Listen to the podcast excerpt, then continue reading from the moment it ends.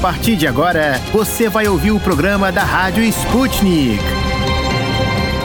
Olá, queridos ouvintes. Meu nome é Ana Liv Esteves e eu tô aqui com o meu colega Pablo Rodrigues para comandar mais um programa da Rádio Sputnik diretamente de Moscou. Saudações, ouvintes! Mas esse não é um programa qualquer da nossa rádio, não. Hoje vamos apresentar para vocês o especial de Ano Novo. Exatamente. E nessa virada a gente quer olhar para frente, quer ver um novo dia raiar no horizonte. Então vamos conversar sobre as perspectivas para 2022. Chegou a hora de deixar 2021 para trás e dar boas-vindas a um novo ano que está vindo cheio de esperança, não é mesmo, Ana? Acho que sim, Pablo. Se 2020 foi um baque, em 2021 a gente começou a se levantar e em 2022 a gente vai voltar a fazer acrobacia. Escreve o que eu tô te dizendo. E hoje vamos conferir as perspectivas para a política e economia brasileira. Afinal, 2022 é ano de eleição presidencial, renovação no Palácio do Planalto, no Congresso Nacional e onde mais que o eleitor brasileiro queira renovar. Depois vamos dar um pulo em Portugal para ver o que 2022 vai trazer para o pessoal lá da terrinha. Teremos ainda perspectiva internacional, que vai cobrir a política, economia, saúde e sociedade desse mundão. O ano vai começar logo com um possível encontro entre os líderes da Rússia, Vladimir Putin, e dos Estados Unidos, Joe Biden. Então, no setor da diplomacia, o ano promete. A gente tem ainda no radar manifestações em Bagdá pelo segundo aniversário do assassinato do general iraniano Qassem Soleimani pelos Estados Unidos. Já no dia 3 de janeiro começa o julgamento da ex-líder de Myanmar, Aung San Suu Kyi, derrubada por um golpe de Estado em 2021. E tem gente que não para mesmo de trabalhar. No dia 3 vai ter reunião dos ministros da Organização dos Países Exportadores de Petróleo, que vai poder mudar mudar as perspectivas para os preços mundiais dos combustíveis. Por outro lado, nos Emirados Árabes Unidos, por exemplo, o Ano Novo inaugura jornada de trabalho de quatro dias semanais, caros ouvintes. Tedioso, com certeza 2022 não vai ser. Vamos ainda ter a nossa perspectiva na área de cultura e entretenimento, porque 2022 promete mais proximidade entre Brasil e Rússia, agora que as fronteiras estão abertas de novo. Então vamos lá ver o que a gente preparou para vocês neste programa especial da virada e abrirá sim as portas para 2022, o ano do tigre, o ano do número 2, do par, do companheirismo, de Brasil e Moscou. E no programa de hoje. No Destrinchando a Charada Brasil, vamos falar sobre as perspectivas para o nosso país em 2022. No Esqueceram de Mim em Portugal, vamos saber curiosidades históricas sobre os rituais e simpatias de passagem de ano na Terrinha. No Destrinchando a Charada Internacional, vamos saber como vai ser o ano de 2022 para a diplomacia e para a economia mundial. O Mistura do Brasil com Moscou vai levar o frio da virada do ano das duas maiores cidades da Rússia com a ajuda da professora paulista Carolina Fernandes. Destrinchando a Charada. De dentro e fora do Brasil política, economia, sociedade e tudo que engloba o maior país da América Latina. As charadas mais complicadas do Brasil são destrinchadas aqui.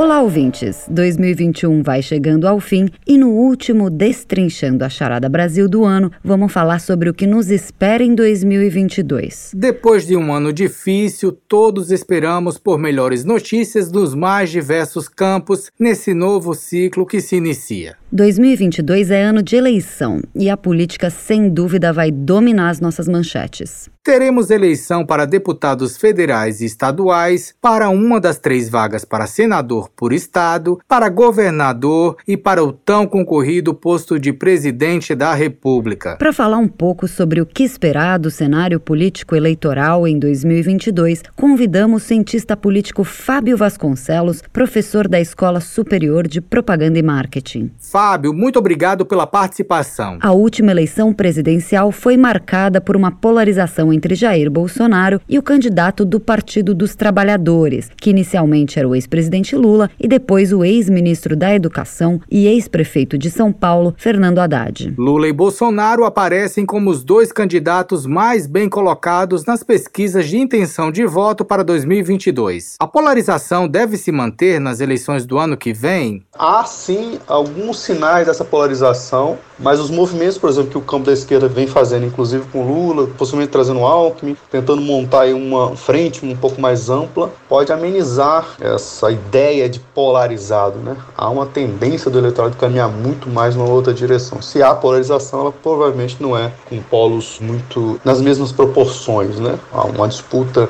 a fragmentação no campo da direita, como está acontecendo agora, é um problema para essa noção de polarização. Essa polarização também trouxe outro efeito em 2018, a onda bolsonarista, que elegeu diversos parlamentares que não tinham histórico na política. Essa força demonstrada pelo bolsonarismo deve se repetir em 2022? Há um vácuo aqui de liderança, né? O Bolsonaro ainda vai, obviamente, né, ter um 20% de intenção de voto, não é pouca coisa, né? Tem instituto que fala em 25, é o que pode levá-lo para o segundo turno. Agora, o que pode acontecer é que talvez uma candidatura de centro-direita, como outras que estão surgindo, possa, se o eleitorado perceber que há um risco de Lula vencer a eleição no primeiro turno, pode haver um esvaziamento dessas outras candidaturas de centro-direita para esse candidato com mais potencial de voto, né, para levá-lo ao segundo turno, para evitar essa vitória de Lula. Que demonstra que, na verdade, o que eu quero dizer é que existe ainda um eleitorado que não se identifica com o Lula, não se identifica com o PT, embora tenha votado em Bolsonaro, não concorde com o governo Bolsonaro. Agora, concorda com algumas bandeiras, concorda com algumas noções de mundo, visão de mundo, né?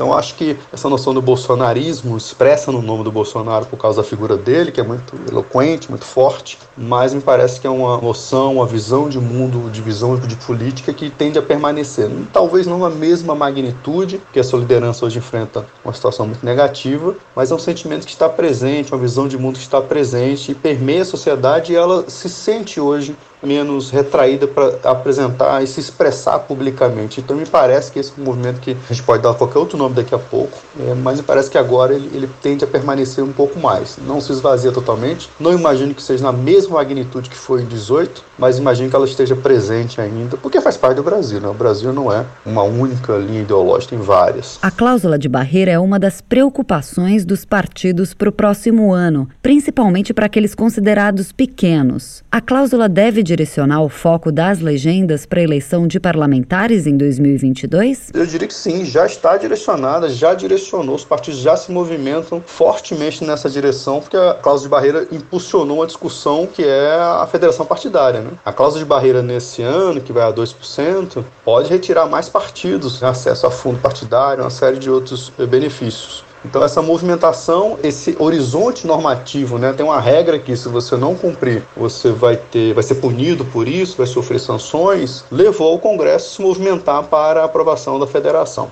Até tentado trazer a coligação novamente, não conseguiram, então aprovaram a federação. Há colegas que criticam isso e de fato é uma leitura correta, né? É uma forma de burlar a coligação partidária, né? Sim, é uma forma de burlar. A questão é que a federação traz outros elementos que a coligação partidária não Né? A necessidade de que os partidos sejam federados durante quatro anos é um indicativo interessante, porque obriga né, que os partidos repensem muito com qual partido, em qual legenda será formada a federação, porque terão que legislar também juntos, né? serão considerados um partido dentro do Congresso. Isso é uma experiência interessante. É, a crítica que se faz, a mais é, óbvia, é que foi uma forma que o Congresso buscou de burlar, dada a preocupação que ele tinha sobre os efeitos que isso teria. A federação preserva a identidade dos partidos, mas entende que eles são uma única, né, a leitura é essa, uma leitura de um único partido na disputa proporcional, que pode permitir que pequenos partidos superem a barreira, né, a cláusula de barreira, o que sem a federação sofriam bastante sanções e que poderia levar até a extinção. Então a cláusula de barreira ela direciona sim, porque os partidos, os políticos são profissionais, vivem disso, precisam fazer com que a sua estrutura, né, o seu entre aspas, o seu negócio funcione é, a contento. O Tribunal Superior Eleitoral aprovou nesse mês a federação partidária, que já tinha sido votada e aprovada pelo Congresso. As regras já entram em vigor no próximo pleito e muitos partidos veem na federação uma forma de superarem a cláusula de barreira. Os partidos devem investir nessas formações em 2022, Fábio? Sim, os partidos menores, especialmente aqueles que estão sob risco de enfrentar as sanções eh, de não cumprimento da cláusula, direcionam sua atenção desde a última eleição para como resolver isso a federação partidária aprovada agora recentemente, reconhecida né, e autorizada pelo TSE, é a possibilidade que eles têm de sobreviverem. E os partidos grandes é que vão coordenar isso, né, tendem a coordenar quais são as legendas que vão poderão fazer parte dessa federação. Então a federação permite que os partidos menores possam superar a cláusula de barreira desse ano, e mantendo vivas dentro do parlamento. Por exemplo, a frente que o PT está liderando, já existe o DEM também liderando uma outra frente, grandes federações em nível nacional, isso é interessante interessante também de observar não é só local, os partidos federados também têm que estar assim, organizados nas disputas regionais. Qual vai ser o efeito disso? Né? O país é um, país complexo, grande, com muitas desigualdades políticos, né, sociais, etc. E aí a federação obriga que eles sejam como os partidos já são, né? os partidos brasileiros são partidos nacionais, que a federação opere exatamente com essa noção, se juntar partido A, B e C, ele precisa estar juntos em São Paulo, no Rio, em outros lugares, em outros estados. Até o momento temos diversas pré candidaturas à presidência da República, indicando uma disputa pulverizada para o ano que vem. Esse número de candidaturas deve se manter?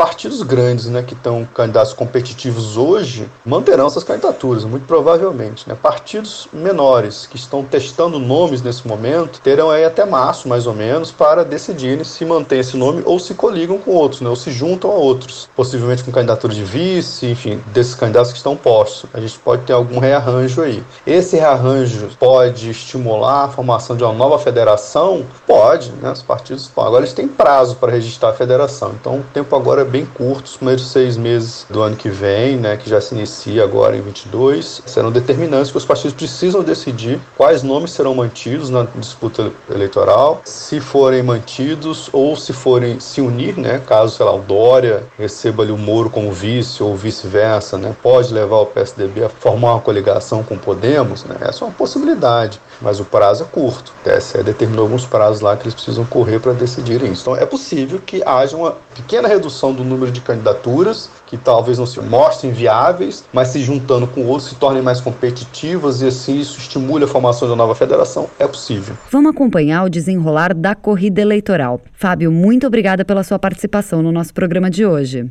E ainda falando sobre política, o Supremo Tribunal Federal pautou temas sensíveis para a classe já no primeiro semestre de 2022. Ações contra parlamentares e sobre a lei da ficha limpa estão entre as previstas para o julgamento. O caso do deputado Silas Câmara, do Republicanos do Amazonas, acusado de peculato, e um recurso do deputado Paulinho da Força, do Solidariedade de São Paulo, condenado por lavagem de dinheiro, vão ser julgados pelos ministros. Outras pautas que ganharam destaque no debate político em 2021 também estão previstas para ir ao pleito no primeiro semestre do ano que vem. Entre elas, o marco temporal para terras indígenas, a proibição de ações policiais em comunidades no Rio de Janeiro durante a pandemia e a autorização para empresas exigirem o comprovante de vacinação para contratar ou manter funcionários. Além disso, o início do ano vai marcar a estreia do André Mendonça, ex-advogado-geral da União, que foi indicado pelo presidente Jair Bolsonaro e se tornou o novo ministro do Supremo Tribunal Federal. O ministro terrivelmente evangélico, nas palavras do presidente. Na área econômica, 2021 não trouxe boas notícias para os brasileiros. E para falar sobre as expectativas para 2022, convidamos a economista Juliana Inhas, professora do INSPER.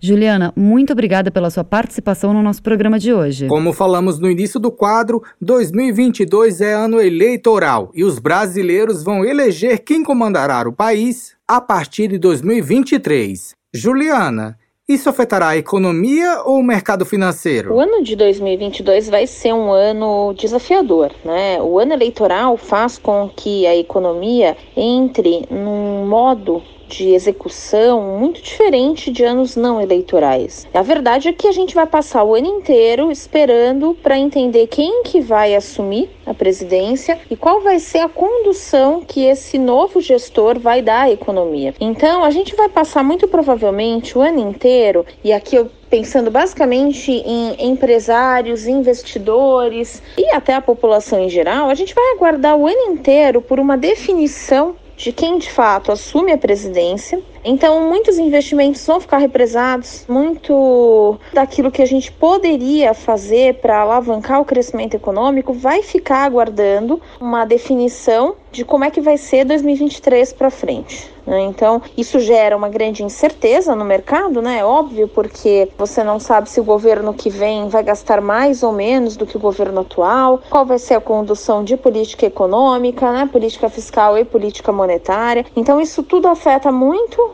a economia como um todo, o mercado financeiro também, e naturalmente vamos ter bastante especulação no mercado financeiro. Né? Esse modo de espera e essa incerteza faz com que a gente tenha muita especulação no mercado financeiro em 2022. O boletim Focus do Banco Central prevê uma taxa de crescimento de menos de 0,5% para 2022. Um número bem pequeno diante da expectativa de retomada econômica colocada pelo governo.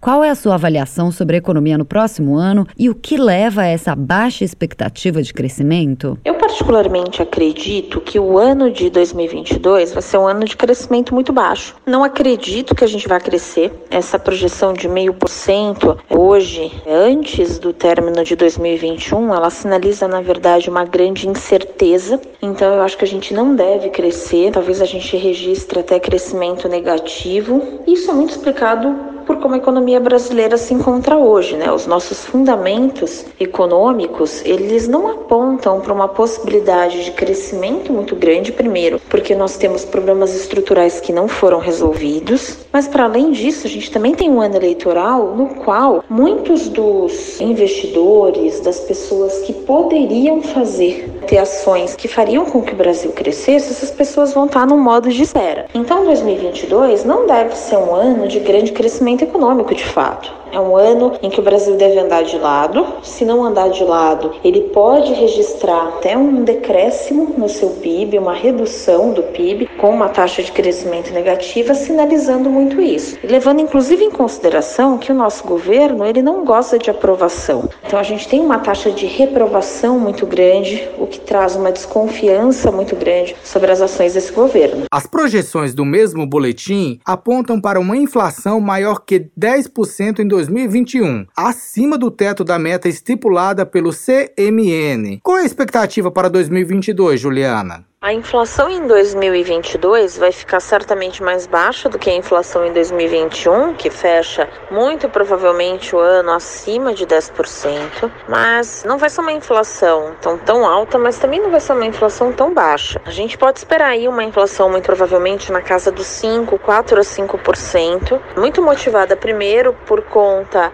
ainda de uma incerteza com relação à economia e à condução das políticas econômicas. A gente ainda deve ter em 2022 um ano de dólar mais alto, de incertezas cambiais que devem pressionar a taxa de câmbio para cima e os custos para cima. Porém, a gente vai ter a irregularização muito provavelmente de safras, a crise hídrica deve ficar para trás, então a gente deve ter aí um alívio na pressão inflacionária. 2021 não foi fácil e pelo jeito o bolso dos brasileiros continuará sofrendo em 2022. No ano que vem não vai haver novamente um aumento real do salário mínimo, que vai ser corrigido apenas pela inflação. Juliana, isso reduz o poder de compra da população? O aumento dos salários em 2022 ele deve ser bem contido, porque apesar da inflação estar muito alta, muitas empresas não vão conseguir provavelmente essa reposição monetária, então a gente vai vai ver provavelmente ajustes salariais inferiores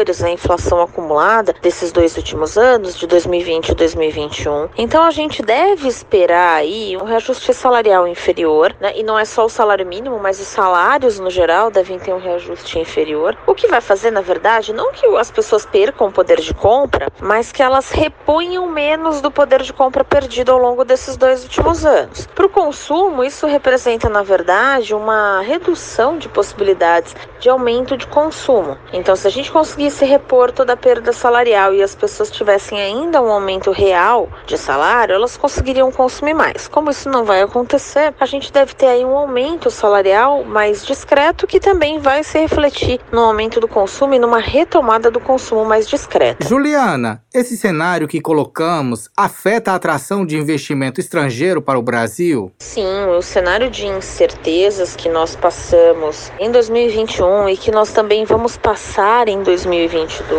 ele vai se refletir sim numa redução aí da atratividade do Brasil, não só para o investidor externo, mas também para o investidor interno. Então a gente deve ver esse investidor um pouco mais reticente, trazendo seu dinheiro para o Brasil com muito mais cuidado, um tanto mais ressabiado com as condições econômicas do país. Esse investidor, ele deve ponderar o risco político, o risco econômico, o risco fiscal. Então a gente deve ver aí investimentos que até acontecem, mas vão acontecer num volume bem inferior ao que poderiam por conta do momento de recuperação da economia brasileira brasileira. O cenário não é dos melhores, mas vamos ficar na torcida para que a economia brasileira melhore em 2022. Juliana, muito obrigada pela conversa de hoje, foi super esclarecedora. Um dos fatores que deve influenciar não só a economia, mas todas as atividades é a evolução da pandemia da Covid-19 e com ela as possíveis medidas restritivas. Para 2022, a expectativa é o avanço da cobertura vacinal, com o um aumento do número de brasileiros tomando a dose de reforço reforço e também o começo da vacinação infantil. A última grande polêmica de 2021, a vacinação de crianças entre 5 e 11 anos, deve começar já no início do ano. Após a aprovação da Agência Nacional de Vigilância Sanitária, membros do governo se posicionaram de forma contrária à imunização de pessoas nessa faixa etária. O ministro da Saúde, Marcelo Queiroga, afirmou que a pasta recomendaria que houvesse prescrição médica e assinatura de consentimento dos pais para vacinação. Governadores, prefeitos e secretários de saúde de todo o país se posicionaram de forma contrária e o debate deve continuar no início de 2022. O monitoramento da propagação da variante Omicron e a necessidade da imposição de novas medidas restritivas no ano que vem também determinarão se haverá ou não festividades como Carnaval. Apesar de algumas cidades e estados já terem anunciado cancelamento da festa,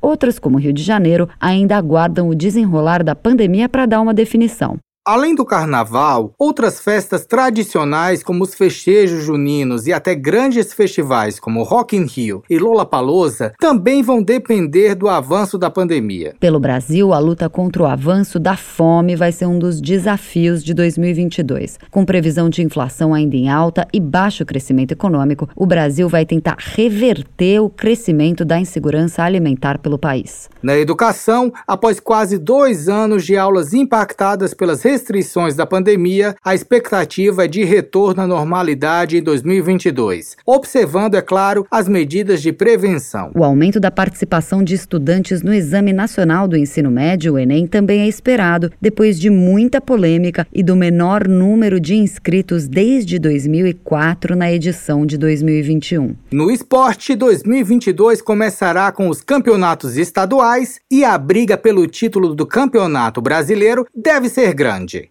Na Recopa, os campeões da Copa Libertadores da América e da Copa Sul-Americana, o Palmeiras e o Atlético Paranaense, vão disputar o título. Já a Supercopa do Brasil será disputada por Flamengo e Atlético Mineiro. O título mais aguardado pelos brasileiros, no entanto, será disputado bem longe do Brasil, no Catar. Já classificada, a seleção brasileira disputará a Copa do Mundo do Catar em novembro em busca do hexacampeonato. Que a seleção brasileira traga alguma alegria para os brasileiros em 2022, né? Porque depois de um 2021 bastante complicado, a gente está precisando. Sem dúvida, Ana, o nosso Destrinchando a Charada Brasil desta sexta-feira, a última de 2021, fica por aqui. Até a próxima.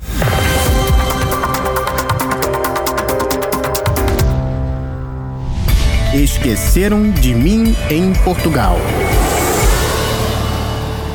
Senhoras e senhores passageiros, apertem os cintos de segurança porque estamos prestes a decolar rumo a Portugal. A tripulação Sputnik Brasil deseja a todos uma ótima viagem.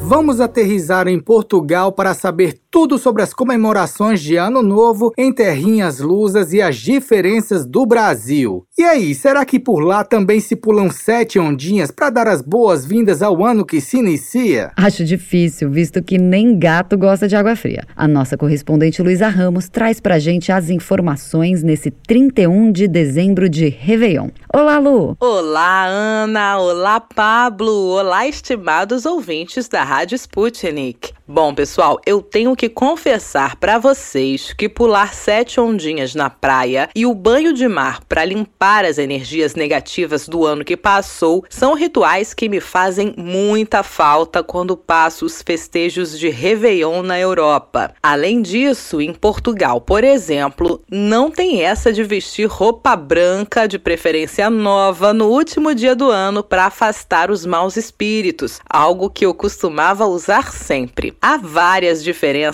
também dentro de cada país. Afinal, quem não é original do litoral do Brasil, como eu, não tem o costume de pular ondas do mar como ritual de virada de ano para trazer boa sorte, né? Já em Portugal, como a praia está totalmente fora de cogitação nesta época de inverno no hemisfério norte, a diferença maior é observada nos costumes de quem vive na cidade e no interior para falar do assunto e trazer curiosidades pouco conhecidas sobre a virada de ano portuguesa, o David Jorge, mestre em estudos medievais na Faculdade de Letras da Universidade do Porto, está aqui comigo hoje. Olá, David! Olá a todos. Eu acho que é muito importante começarmos por fazer primeiro uma pequena distinção entre o que é que é esta celebração no mundo urbano e no mundo rural. No mundo urbano, este tipo de celebrações tem têm um caráter mais ligado ao familiar e não têm um caráter de ligação à terra tão forte. Ah, no entanto, há algumas tradições, especialmente tradições que acontecem à mesa de jantar, que se vão mantendo, como por exemplo a tradição de comer as 12 passas durante as 12 badaladas, fazendo desejos pelo caminho, e também a, a tradição de subir a uma cadeira ou a algum ponto alto com o pé direito e saltar ao final da 12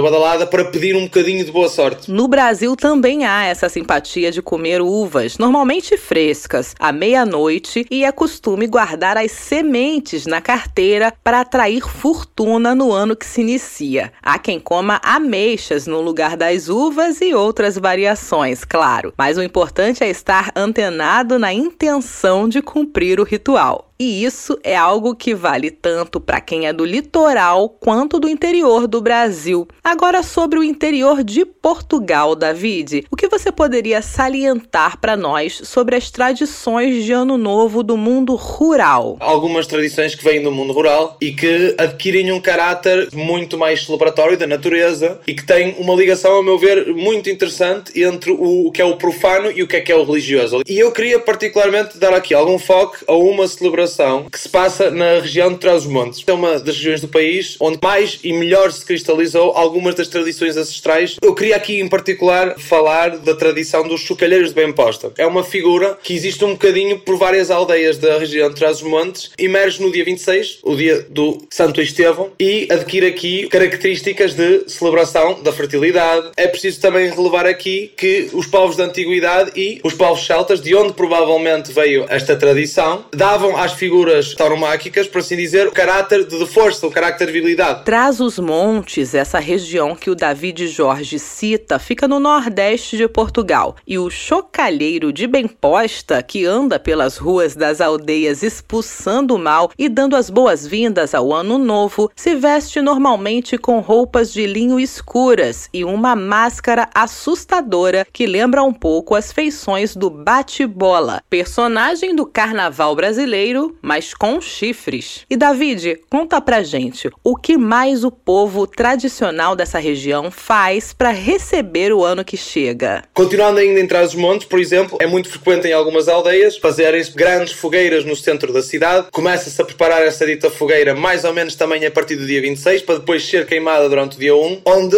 há ali um apogeu das festas quando se queima essa fogueira e ao som de gaitas de foles e de muita comida e muita bebida, se dá as boas-vindas ao ano novo. Mais uma vez, português fazendo esta ligação com a natureza. É, fogueira no Brasil em pleno verão não tem condições. Fora da região de Trás-os-Montes, o Davi me contou que é comum também como ritual de passagem de ano o chamado correr o ano velho, quando um jovem fantasiado de idoso maltrapilho, representando o ano que passou, anda pelas ruas da aldeia sendo enxotado verbalmente pela população local. Dá para perceber que são muitos tipos diferentes de rituais existentes nas culturas portuguesa e brasileira na intenção de que o ano que está prestes a começar seja bom. Eu considero o povo brasileiro muito supersticioso na virada de ano. É mandala, é pedido, é roupa branca, pular ondas, roupa íntima na cor X que vai proporcionar Y e até alimentos entram na ceia de propósito para trazer fartura e boa sorte no ano que entra, como lentilha, uva, nozes. E você, Davi, também percebe o povo português muito supersticioso nessa época de chegada do ano novo? Eu não sei se somos propriamente mais supersticiosos, mas eu acho que o português é de certa maneira às vezes um bocadinho fatalista. Esta ideia da saudade, essas coisas todas, do pesar por algo que passou e que não volta, é algo muito português. Eu não acho que o português seja necessariamente mais supersticioso no ano novo. Eu acho é que o ano novo, assim como a altura do Natal, como também está tão rodeado deste tipo de celebrações, tão de seio familiar e acaba por adquirir uma certa imagem estética um bocadinho mais de passagem, um bocadinho mais de reflexão, mais do que provavelmente superstição. Olha, para quem gosta de rituais como eu, confesso, agora vou querer fazer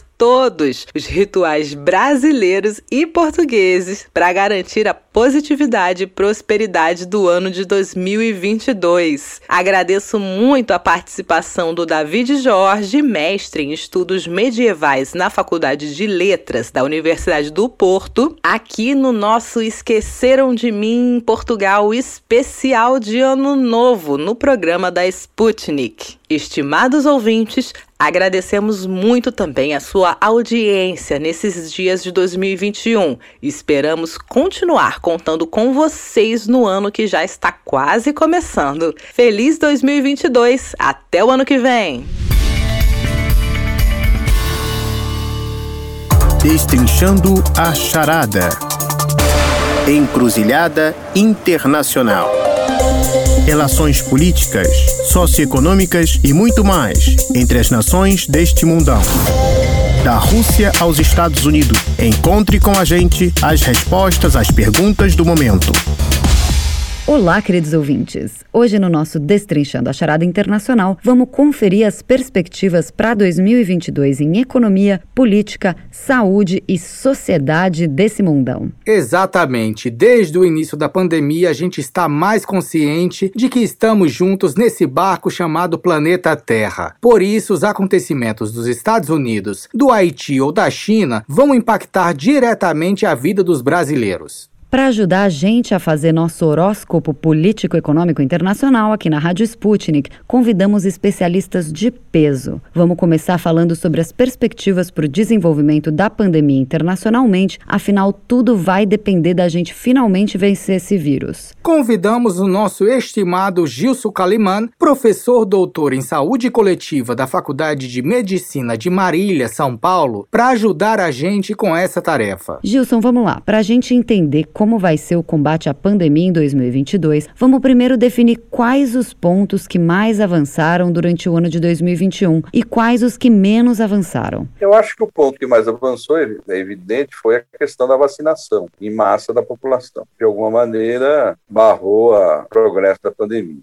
Só que, por outro lado, essa vacinação em massa, ela não aconteceu de maneira homogênea no mundo, né? Então, trouxe um, um aspecto muito grave, que é um aspecto que eu acho que vai manter a epidemia o ano que vem, que é da iniquidade. Você pega os países da África, países mais pobres, né, você tem uma cobertura vacinal muito baixa. Eu acho que o mundo falhou numa ação global humanitária no sentido de possibilitar que esses países tivessem maior acesso à vacina. Isso traz um agravante muito importante para manutenção da pandemia. Né? Você pega países na África e não, não chegaram nem a 20%. Por que isso? Porque você traz cria a possibilidade de ter novas variantes, né? Como a Omicron que está circulando, ela tem um poder contagioso muito maior do que a, a Delta. Parece-me que ela não tem um poder virulento tão grande quanto a Delta. Ainda bem, né? se tivesse, a situação seria muito crítica. Eu acho que muitos governos falharam na aplicação de medidas de contenção, né, como a questão do lockdown, da falta de políticas para isolamento social, negacionismo, né, tivemos vários países nesse sentido. Mas eu acho que é o crucial agora é essa ação humanitária global, principalmente dirigida aos países mais pobres. Gilson, então o esforço global mais importante seria que a gente pudesse distribuir melhor as vacinas, especialmente para os países mais pobres, para que que as variantes parem de emergir, correto? Porque aí você tem que envolver vários aspectos da situação humanitária. Tem a questão da aquisição da vacina, muitos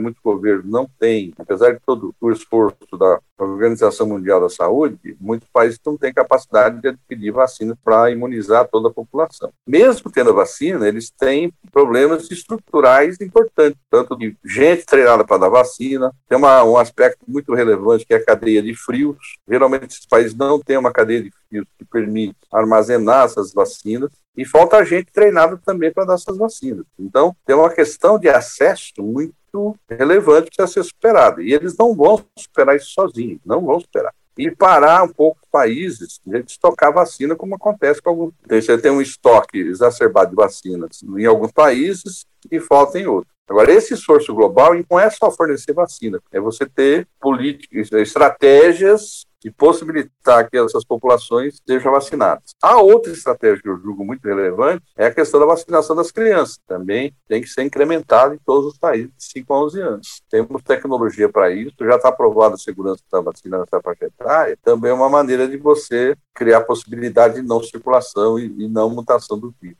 Gilson, você citou um ponto importante que tem gerado muito debate social: a vacinação de crianças. Você acha que devemos seguir em 2022 com a vacinação das crianças, mesmo com um problema de distribuição global? Como você vê essa questão das prioridades? Eu acho que são estratégias concomitantes. Tem que avançar na vacinação das crianças, Alguns países vão avançar na quarta dose, principalmente para imunodeprimidos e grupos de risco. Essa ação global humanitária, para mim, ela é a principal do processo, porque ela vai possibilitar um acesso das populações mais vulneráveis do mundo, e até por uma questão de solidariedade humana também, gente possibilitar todas as pessoas terem a mesma possibilidade de acesso. Eu acho que os países né, ricos, a Organização Mundial da Saúde tem tido essa preocupação, mas preciso parar de falar e fazer mais, né? Você ter uma ação global ordenada, estratégica, não só da vacina, criar condições para que as pessoas tenham acesso à vacina. Que é importante também ter medidas de caráter mundial que possibilitem a contenção do vírus, acabar um pouco com esse negacionismo que infelizmente a gente ainda vive, né? Infelizmente. Gilson, você comentou sobre a necessidade de quarta dose de vacina e da constante possibilidade de mutação do vírus. Você vislumbra para 2022 algum avanço científico na produção das vacinas contra a Covid-19? É, eu acho que sim, porque os laboratórios estão preparados para isso. Muitos deles já estão adaptando as vacinas a essas novas variantes. Mas isso fica muito caro, né? Você tem que fazer isso todo momento. Tem alguns estudos já sendo publicados que a grande parte dessas vacinas são potentes contra essas novas variantes. Mas, de alguma maneira, a gente não pode ter a, a condição objetiva de dessas variantes eh, se, continuarem se multiplicando com baixa cobertura da vacinação. Fica um cenário muito ruim que não, não alterar essa realidade. Gilson, para a gente fechar, para o ano que vem, podemos ter um otimismo cauteloso no tocante ao combate à pandemia? É, pode ser um otimismo cauteloso, mas eu estou mais com pessimismo, porque se se prolongar a pandemia, e que parece que vai prolongar, as outras agravos ficam prejudicados o atendimento. Nós diminuímos dramaticamente o número de transplantes, entendeu? caiu a cobertura vacinal das outras vacinas. Você tem uma pletória de cirurgia eletiva muito grande e tem tido esforços, os gestores, principalmente municipais, estaduais, têm feito um esforço importante de suprir essas demandas. Em São Paulo tem um programa que chama Corujão, que faz um atendimento das demandas suprimidas, né, geralmente turnos noturnos. Bem ou mal, a gente tem garantido, por exemplo, acesso, principalmente dos pacientes infartados, à hemodinâmica, à geoplastia. Mas, de qualquer maneira, essa pretora, a continuar a pandemia, cria o sindemia, né? Os agravos somados à pandemia deixam esse, esses grupos muito vulneráveis. Né? Vai precisar políticas no sentido de atender essa população que ficou com a demanda reprimida. Bom, se o Gilson está pessimista quanto ao combate à pandemia em escala mundial, isso com certeza vai ter efeitos no crescimento da economia. Então vamos conversar com o economista Gilberto Braga para ver como estão os prognósticos para a economia mundial. Gilberto, em primeiro lugar, quais as estimativas de crescimento do PIB mundial? Apesar das incertezas no mundo por conta ainda dos efeitos da Covid-19, surgimento de novas variantes, a economia mundial se recuperou relativamente bem durante o ano de 2021 e espera-se um crescimento um pouco mais forte ao longo de 2022. As estimativas dos economistas sugerem que no próximo ano o crescimento do PIB mundial deve estar ao redor de 5%, um pouco menor do que se espera que seja o resultado de 2021, algo perto de 6% para 2021 e algo um pouco menor, ao redor de 5% para 2022. Você acredita que a pandemia trouxe uma mudança de perspectiva sobre o que é crescimento econômico, o que é qualidade de vida e quais devem ser as prioridades dos governos? O que nós podemos verificar é que as principais economias mundiais elas passam por um momento de reflexão, soma-se a questão interna das suas representações executivas, políticas, né, e de como isso vem sendo percebido pela nação. Vivemos um momento diferente na economia mundial em que não apenas se olha para os resultados, ou seja, para a produtividade, para a geração de riqueza e a distribuição dela nos países ricos. Muitos governos estão sendo avaliados sob a ótica de como combatem a epidemia da Covid-19 e de que forma essas medidas de combate, de como lidar com a pandemia, afeta a qualidade de vida das pessoas e, consequentemente, a economia economia. Então, o que nós podemos perceber é que nos últimos dois anos é, isso provoca uma mudança de paradigma na medida em que a questão da qualidade de vida, dos valores pessoais, é, sobretudo diante de uma quantidade de óbitos muito grandes pela pandemia, leva a uma reflexão de valores humanitários e pela primeira vez a gente observa que a economia deixa de ser o epicentro, ou seja, a variável que comanda a percepção das pessoas. Gilberto, quais as perspectivas para 2022 em relação às principais economias mundiais, como a China, por exemplo? Com relação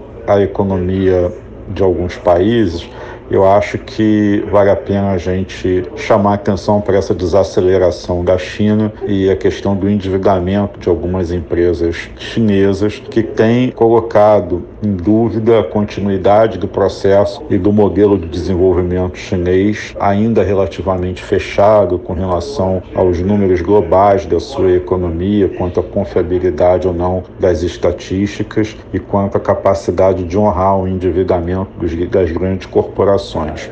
Então, nesse aspecto, isso deve ainda permear o ano de 2022 e a China talvez seja um grande divisor de águas para um crescimento maior ou menor da economia global, dada a importância da economia chinesa tem no mundo. As incertezas econômicas trazem incertezas no âmbito social também. Como vai ficar o emprego em 2022? Como vai ficar a saúde mental dos trabalhadores, das crianças e dos idosos? Quais vão ser os temas temas que vão fazer com que as pessoas deixem o isolamento e vão para a rua em 2022? Para a gente conversar sobre a agenda social em 2022, especialmente em países em ascensão como Brasil, Rússia, China, Índia e África do Sul, conversamos com Diego Pautasso, professor de Relações Internacionais e especialista em países do BRICS. Diego, o ano de 2021 foi marcado por uma recuperação econômica tímida, mas com baixos índices de criação de emprego. Nesse contexto, a questão da desigualdade social retomou seu lugar no debate público. Você acredita que a desigualdade socioeconômica deve ser um tema de relevância em 2022? A economia mundial tem vindo de um período de dificuldades que foi aprofundado pela pandemia. Então, as desigualdades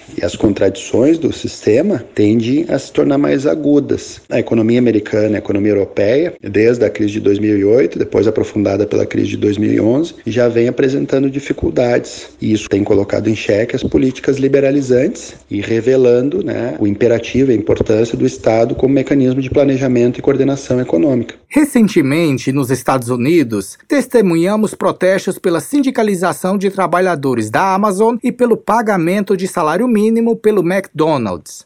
Diego, você acredita que os temas relacionados às condições do trabalho e sindicalização estarão em alta internacionalmente no ano de 2022? Um dos efeitos laterais desse último ciclo de globalização neoliberal tem sido a precarização das relações trabalhistas, a uberização do trabalho. É, nesse sentido, a pandemia ainda expôs as vulnerabilidades de amplos segmentos de trabalhadores desprotegidos da legislação, né, sem legislação trabalhista. Então, há uma encruzilhada tecnológica, uma grande transformação tecnológica, combinada com uma situação de pandemia grave e com políticas liberalizantes. Isso tem feito repensar e rediscutir os caminhos das condições de trabalho no século XXI. Já que estamos falando dos Estados Unidos, a gente foi perguntar para o cientista político e professor do Departamento de Educação e Tecnologias da Universidade Federal de Ouro Preto, o Marcelo Jackson, o que ele espera do segundo ano de Joe Biden no poder.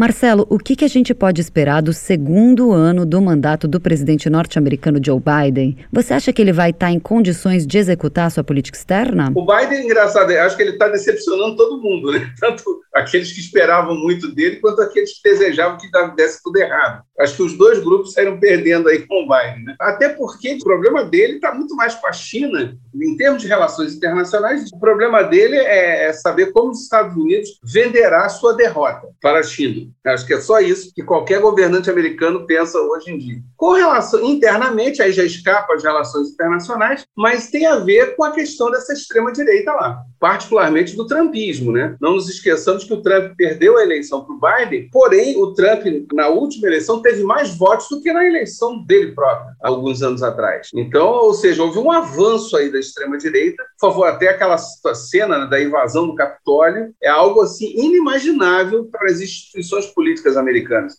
Então, internamente, os democratas estão com esse problema. Enquanto democrata, lógico, ele quer ganhar a eleição de novo, fazer o seu sucessor, se ele não desejar um segundo mandato, pela sua idade, pela saúde, o que ele quiser.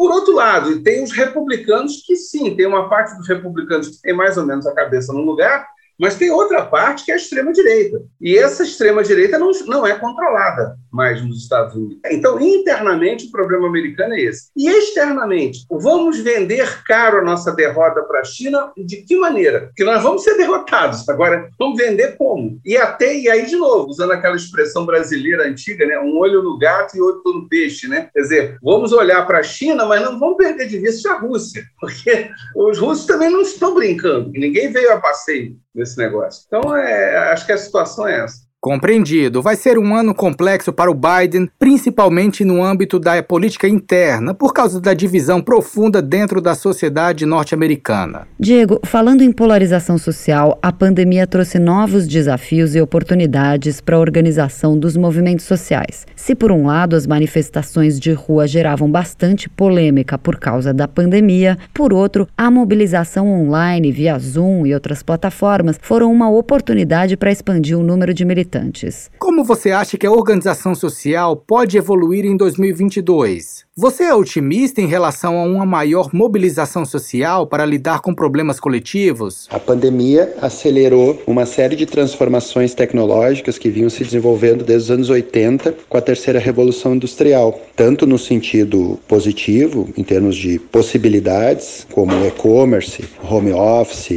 sistema de entretenimento e cultura por streaming, mas também expôs, como a gente vinha tratando, a questão das desigualdades e da precarização das condições de trabalho. Então, se agudizam essas contradições e demandam soluções mais estáveis. O final de 2021 foi marcado por eleições no Chile, que elegeram um presidente à esquerda, e pela assunção de Olaf Scholz ao posto de chanceler alemão, com promessas de fazer um governo com mais sensibilidade social. Diego, você acredita que 2022 pode ser um ano de avanço da esquerda mundialmente? Ou ou a extrema-direita segue em ascensão? O fracasso do liberalismo, das políticas liberalizantes que tiveram sua hegemonia alcançada a partir dos anos 80, concorreu para a própria polarização, para a onda de extrema-direita, em grande medida, também é explicada pelo colapso das políticas liberalizantes, como foi, aliás, após a crise de 29. E as respostas da esquerda me parecem imperativas num contexto de transição de poder no mundo. O poder se desloca para a Ásia, uma grande transição disposição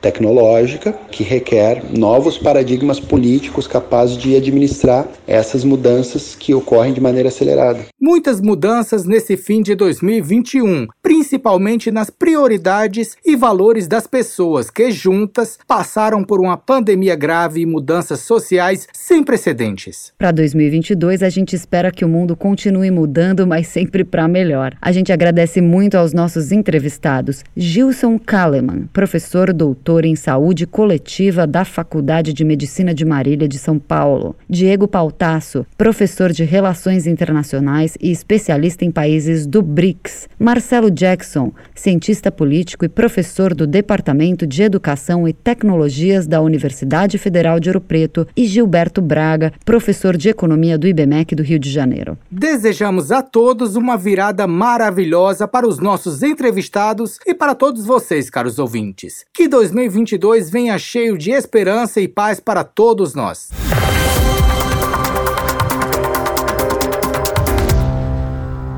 Mistura do Brasil com Moscou. A mistura agora é com a Rússia e a coreografia já está pronta. Com os gingados russos e brasileiros, as relações estão em sintonia entre estes dois gigantes.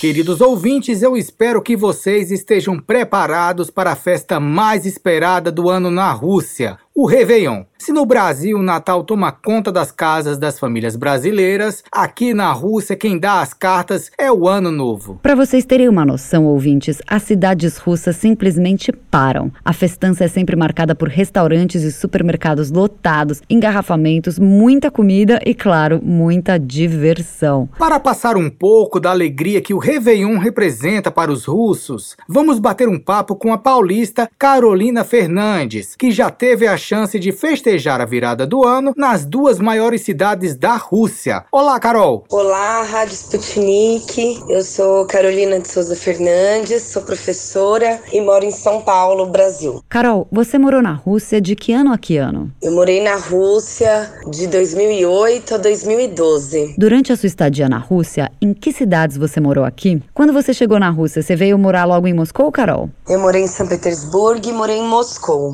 Eu fui primeiro para Peter. Em 2010 fui para Moscou e no meu último ano na Rússia eu voltei para Peter. Então quer dizer que você teve a chance de presenciar o Réveillon tanto em São Petersburgo como em Moscou, não é mesmo, Carol? Em que cidade russa você mais gostava de passar a virada do ano? Passei Réveillon nas duas cidades. Foi muito interessante, as duas cidades são bem diferentes, né? E apesar de Moscou ser a capital e ser maior, em Peter era onde eu curtia mais ir pra rua, porque a gente ia pra Praça do Hermitage, que era um lugar que eu amava, e fazia concentração das pessoas ali, tinha show, era muito legal. Não sei se ainda tem show, se ainda tem evento ali na Praça do Hermitage, no Réveillon, mas tinha, durante dois anos eu passei ali e foi muito legal. Mas antes de sair para as ruas de Moscou ou de São Petersburgo para ver a queima de fogos, o que você e seus amigos brasileiros, russos e de outros outras nacionalidades faziam, Carol? E outra coisa, vocês seguiam algumas tradições russas na virada do ano? Antes de ir pra rua, seja em Peter ou em Moscou, ir pra Praça Vermelha, a gente fazia a nossa ceia, fazia a celebração, o brinde, depois do discurso do presidente, do Putin. Nem sempre só com brasileiros, né? Muitas vezes com os russos.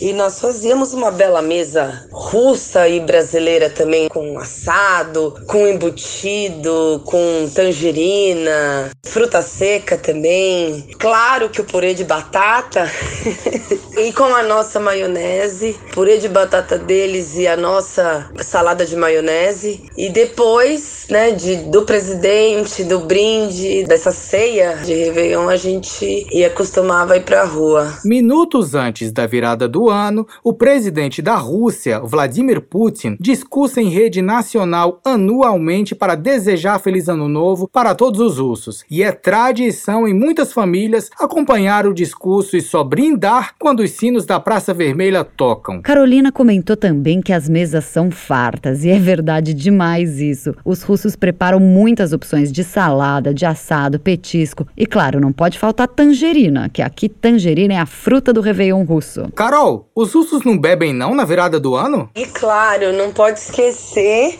de. Eu tenho até uma foto com uma garrafa de suco de ananás e eu coloquei vodka e eu tô no metrô indo pra Praça do Hermitage segurando esse suco que eu levei para tomar lá na celebração, como uma boa tradição russa. Vodka com suco de abacaxi, Carol? Vem cá, você não tomava suco de tomate, não? Fiquem sabendo, ouvintes, que os russos bebem vodka com suco de tomate, ou então só suco de tomate com sal para tirar aquela ressaca. Carolina, você sentia falta de alguma coisa ou de alguém do Brasil nas festas de fim de ano aqui na Rússia? Eu gostava muito de passar a virada do ano na Rússia, e mas eu sentia falta da minha família, né? Claro, dos meus amigos próximos que estavam aqui no Brasil e que eu tinha o costume de, de sempre fazer festa junto, viajar, ou ir pra praia, ou ir para algum sítio, ir pra zona rural. Então eu sentia falta disso, mas nós conseguíamos reproduzir, inclusive uma mesa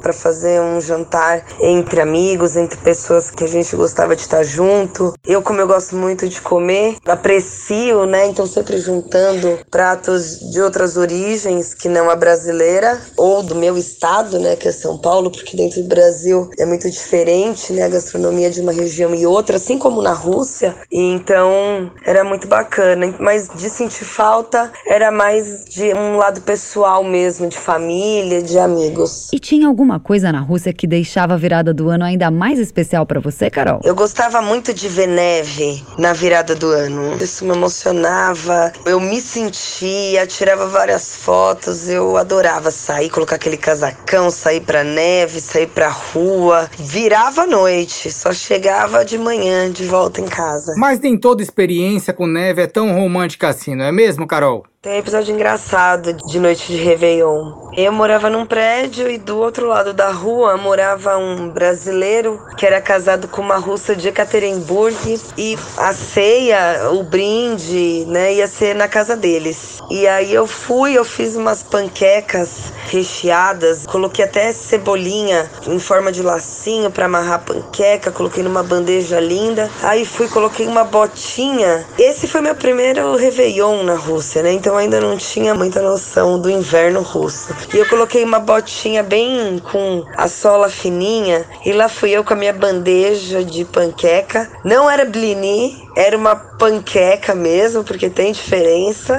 Lá fui eu atravessando a rua, eu acabei deslizando no gelo e caí, virei toda a bandeja de panqueca em cima de mim. Caiu, derrubou as panquecas recheadas e ficou toda melada de panqueca.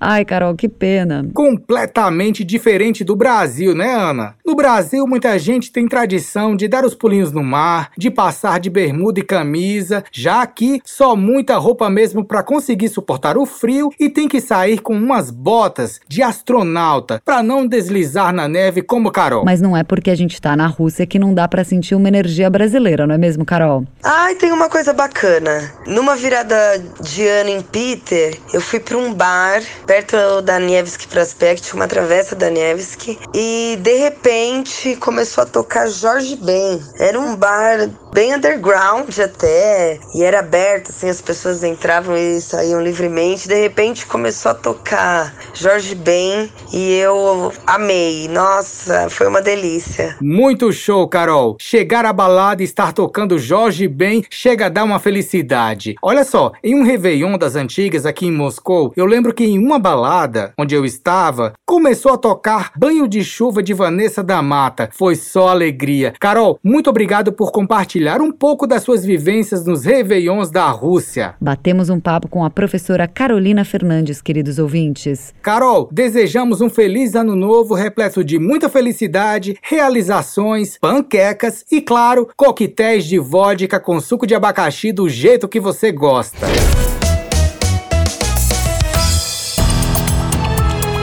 Hora de dar tchau.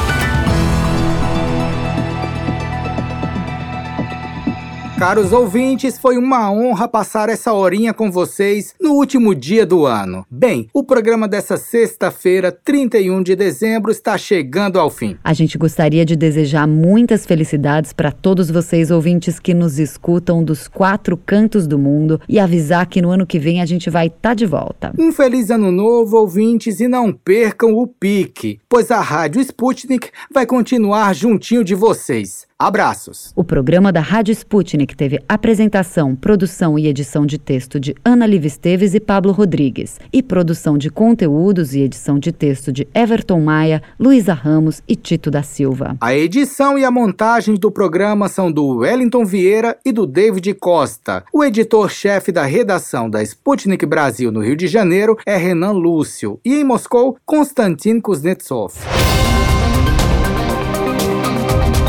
Você acabou de ouvir mais um programa da Rádio Sputnik.